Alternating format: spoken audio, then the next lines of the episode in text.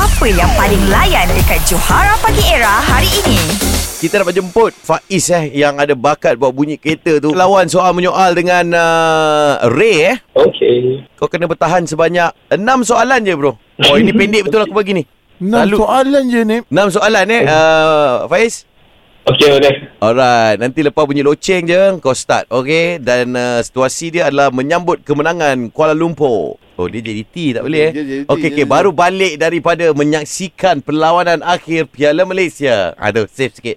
Eh, boleh eh? Okey. Silakan Faiz. Sorry apa? Apa dia? Eh, Sorry apa?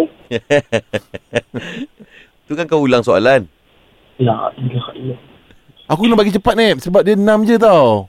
Teruk lah kau ni. Kalau sepuluh aku ang- angkat lagi kan. Uh, uh, uh. Ha. So macam mana ni? Kau dah kalah ni lah sebenarnya. Senang sangat ni. GG will play lah. Apa dia? Di, uh, good game. Good game, good game. Good game, good game. Oh. GG, GG. Okey, GG, okey. good game. Kalau dah good game, ini spontan lain sikit. Kau kena panggil Ray, Ray, Ray. Kau panggil Ray. Lepas tu dia sahut, kau kena umumkan dia. You win. Macam tu. Oh, okey. Okey, silakan. Ray. Ah, Biar, aku umum lah. Biar aku umum ni. Umum dia? Ha. Okey, silakan. Okey eh. Siapa nama dia tadi? Ray. Faiz, Faiz. Faiz. Yeah. You noob. You noob. Okey. Boleh lah, Ray. Ray, Ray, Ray. Ah, ah, ah. Sorry. Ah. You, uh, you, you win. Woi, woi, woi. Catch up dengan lawak-lawak on points yang Johara Pagi Era delivery setiap hari Isnin hingga Jumaat. Bermula 6 pagi hingga 10 pagi. Hanya di Era Music Hit terbaik.